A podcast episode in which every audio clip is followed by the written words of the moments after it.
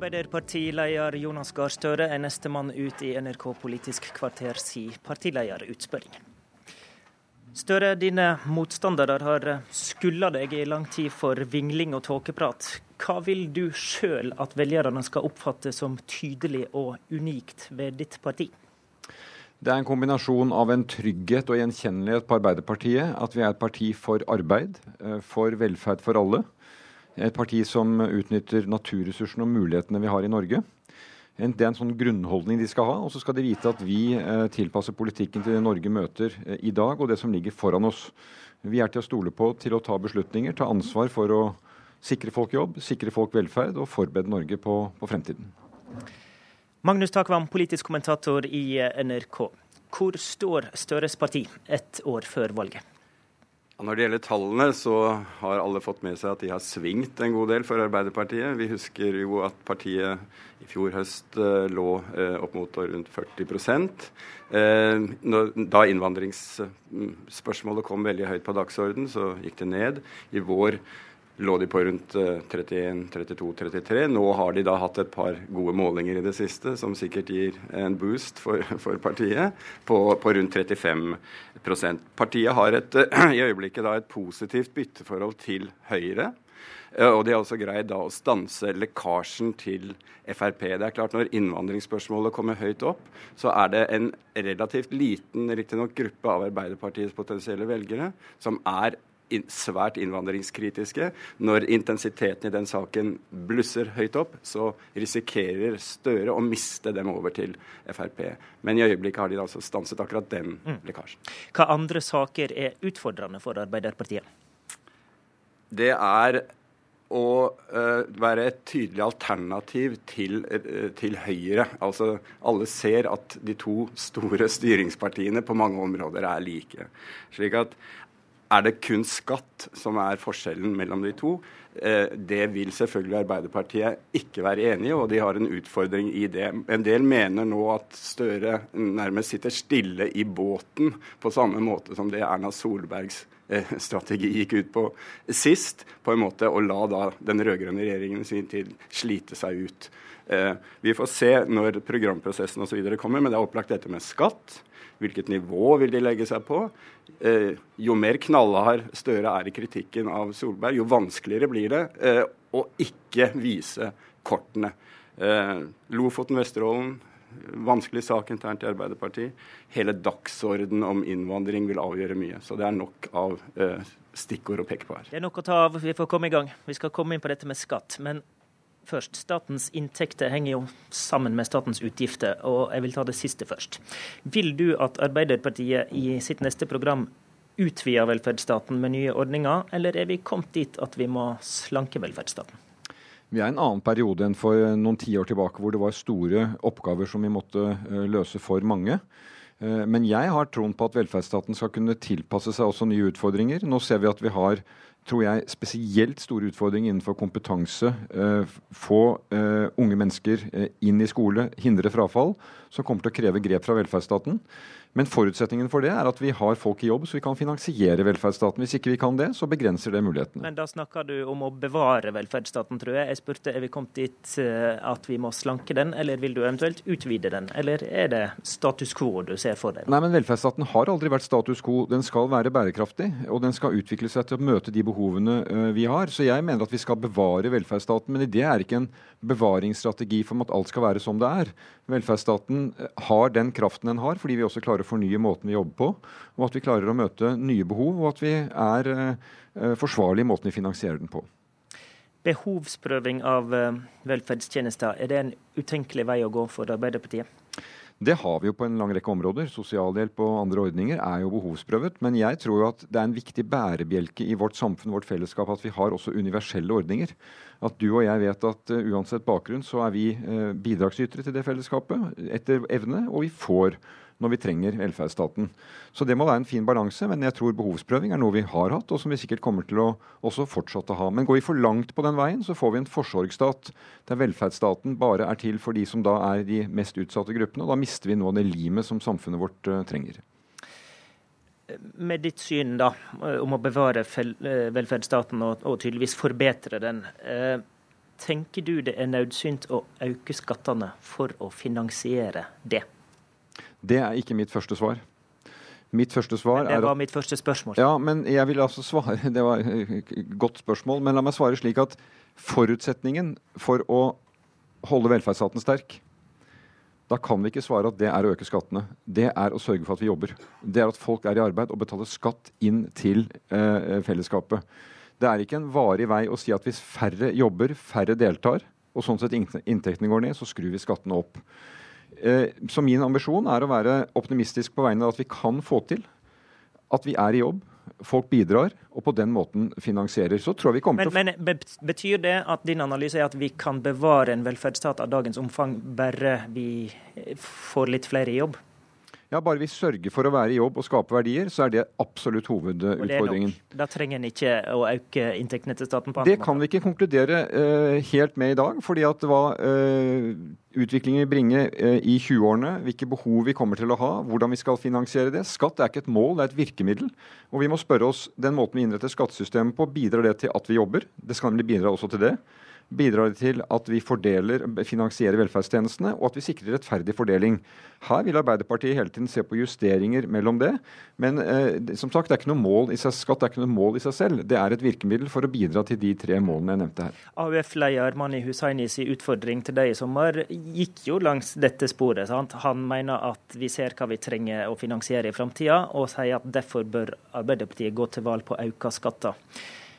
Resonnerer han feil, da? Altså, Da det ble spissformulert i sommer, så sa jeg at mitt svar på det er nei. Det er ikke et mål for Arbeiderpartiet å gå til valg på økte skatter. Det er et mål for Arbeiderpartiet å gå til valg på et Norge som har arbeid til alle og har god velferd. Og Så får vi se hvilke oppgaver skal vi løse sammen, og hva krever det av hva vi tar inn i skatt. Og Jeg merket meg at han også sa, det er en klok mann, at skatt er ikke et mål, det er et virkemiddel. Og det er et virkemiddel vi må være i stand til å bruke. Og nå, jeg, nå skal jeg da være eh, hjelpe programlederen. Ja, det blir mer skatt hos oss for de som har mest. Bedriftene skal betale mindre skatt. Og for folk flest så har vi vist i våre skatteopplegg at to av tre får lik eller lavere skatt. Altså en annen type innretning. Men vi har ikke gått inn på den kursen som denne regjeringen har gjort, med å gi store milliardskattekutt til de som har mest. Okay, og som hva... har en effekt som ikke er god for verken arbeid eller velferd. Hva er det du varsler da? Skal formuesskatten opp? Ja, de med mest formue de må betale noe mer skatt. De får ikke de lettelsene denne regjeringen har gitt. Hva skal den opp til? I, i dag er den vel på 0,85. Ja, men Vi har jo vist det er en 10 milliarder kroner i forskjell på deres, deres, budsjett og vårt alternative budsjett. Men nå svarte jo Erna Solberg at hun vil avklare spørsmålet om skatt når hun har hatt programprosess og budsjettprosess og det ene med det andre. Om respekt å melde, det skal også vi, velgerne, skal få et klart svar. Men jeg sier veldig klart nå, de som har mest i vårt land, de får ikke de kuttene med oss, for vi kan bruke de pengene bedre. Det er mer rettferdig, og det er bedre for økonomien. Formuesskattesatsen skal opp. Det skal komme mer inn fra de som har mest. Den regjeringa som sitter nå, har fjerna arveavgifta. Eh, vil ei Støre-regjering gjeninnføre den? Nei, ikke den. Det vil vi ikke. Eh, vi eh, så at det var en skatt som tok inn lite, og hadde egentlig en del skjeve virkninger. Vi reduserte den år for år, og vi har ikke foreslått den gjeninnført. Arv er jo noe som da uh, påvirker din formue, og vi mener at vi må ha en beskatning av formue. Jeg tror det kommer til å bli en debatt uh, utover i neste tiår også, når store formuer kommer til å skifte hender. Men, men, men, men vil ei større regjering innføre en eller annen form for arveavgifta, om ikke den samme som før? Vi har ikke foreslått det. Vi uh, skal ha en beskatning av formue. Innretningen på det får vi diskutere i programprosess, men vi har ikke fremmet det forslaget.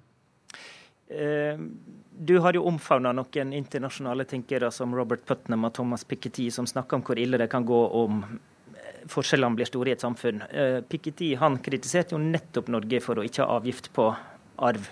Eh, forlater du hans analyse da, hvis du ikke vil gjeninnføre en arveavgift? Jeg forklarte det til han hvordan den arveavgiften vi hadde virket, og jeg tror han forsto at det var et poeng i det. Men det Piketty påpeker, er jo det at de som har kapital, de øker mer sin formue enn det du får igjen for når du øker arbeidsinnsatsen.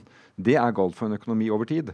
Og det han også påpekte var at denne regjeringen, som hadde som mål å fjerne både arveavgiften og formuesskatten Hvis Norge gjorde det, så ville det være to land i Vesten som hadde gunstigere beskatning for de med mest enn Norge. Det er feil kurs for Norge, eh, og det er en kurs vi ikke vil inn på. For da får vi forskjeller som er gift mot omstilling og gift mot den tilliten vi har i samfunnet. Nå har du jo antyda noen svar, men eh, du har ikke gitt konkret eh, hva slags skatteøkning dere vil gå til valg på. Men kommer velgerne faktisk til å få vite før valget hva slags skattenivå Arbeiderpartiet ja. går til valg på? Som vanlig før valg så kommer de til å få det. Og så skal vi ha et 2017-budsjett imellom som kommer til å gi oss uh, god kunnskap. Jeg svarer omtrent som Erna Solberg gjorde der. Vi skal ha en programprosess, så skal du få gode svar. Jens Stoltenberg, eh, da han var regjeringssjef, så frøs jo han skattenivået på det nivået den eh, forutgående borgerlige regjeringa hadde lagt det på. Eh, sier du nå da at det er ikke aktuelt om du overtar regjeringskontorene etter valget i 2017? Det er lite aktuelt, fordi vi har i våre alternative budsjetter vist at vi ikke gir de skattekuttene som har så liten effekt, annet enn å øke forskjellene som denne regjeringen har gjort. Eh, men vi får se når vi kommer med vårt alternative 2017-budsjett, så får, tror jeg du får en ganske god eh, retning på hvordan eh, vårt skattenivå vil bli for, for årene som kommer. Du har fått to andre utfordringer denne veka som burde være greie å svare kort på. Fra AUF-leder Mani Hussaini under Ungdomspartiet-lederdebatten. Det er på tide at Ap legger striden død og verner Lofoten, Vesterålen og Senja fra oljeboring. Støtter du han? Der har vi en program i denne perioden som jeg som partileder står opp for. og det er at Vi eh, åpner for konsekvensutredning.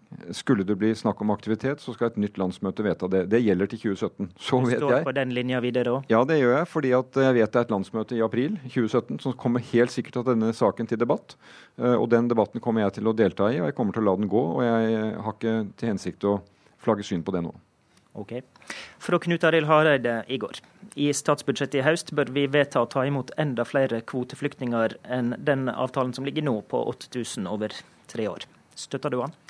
Jeg mener det viktigste vi kan gjøre nå, er å gjennomføre de vedtakene vi har fattet på dette. Det er en stor oppgave for norske kommuner. Det gjelder kvoteflyktningene fra Syria, og det gjelder den ukontrollerte tilstrømningen vi fikk i fjor. At det nå går for seg på en god måte.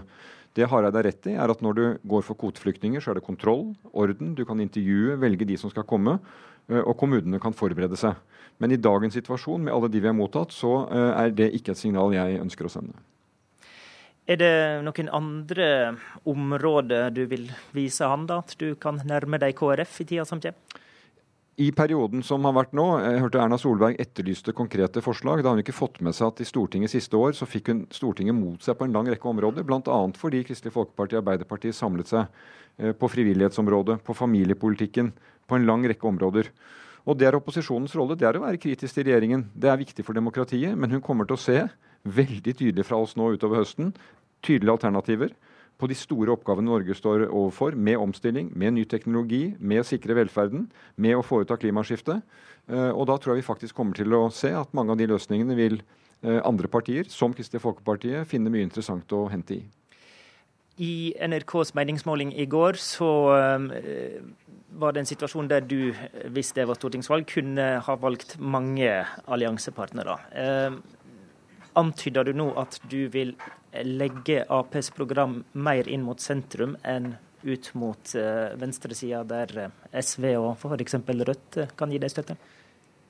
Jeg tror Med de alternativene som du peker på, som jo er et godt alternativ for Arbeiderpartiet, at vi ser at vi kan komme i posisjon for å gjennomføre politikk med flere løsninger, så skal vi i grunnen gå til det enkle og sentrale, utvikle vår politikk. Være trygg på den. Eh, og med et sterkt Arbeiderparti så får vi det grunnlaget som trengs for et regjeringsskifte som kan føre en annen politikk med et annet flertall. Men må du ikke til en viss grad eh, velge en retning her da, for å skape et nytt regjeringsalternativ? Jo, men jeg, den retningen velger vi med måten vi utvikler vårt program på, måten vi arbeider i Stortinget. Og kan vi ha flere alternativer for å nå det målet, så mener jeg det er bra.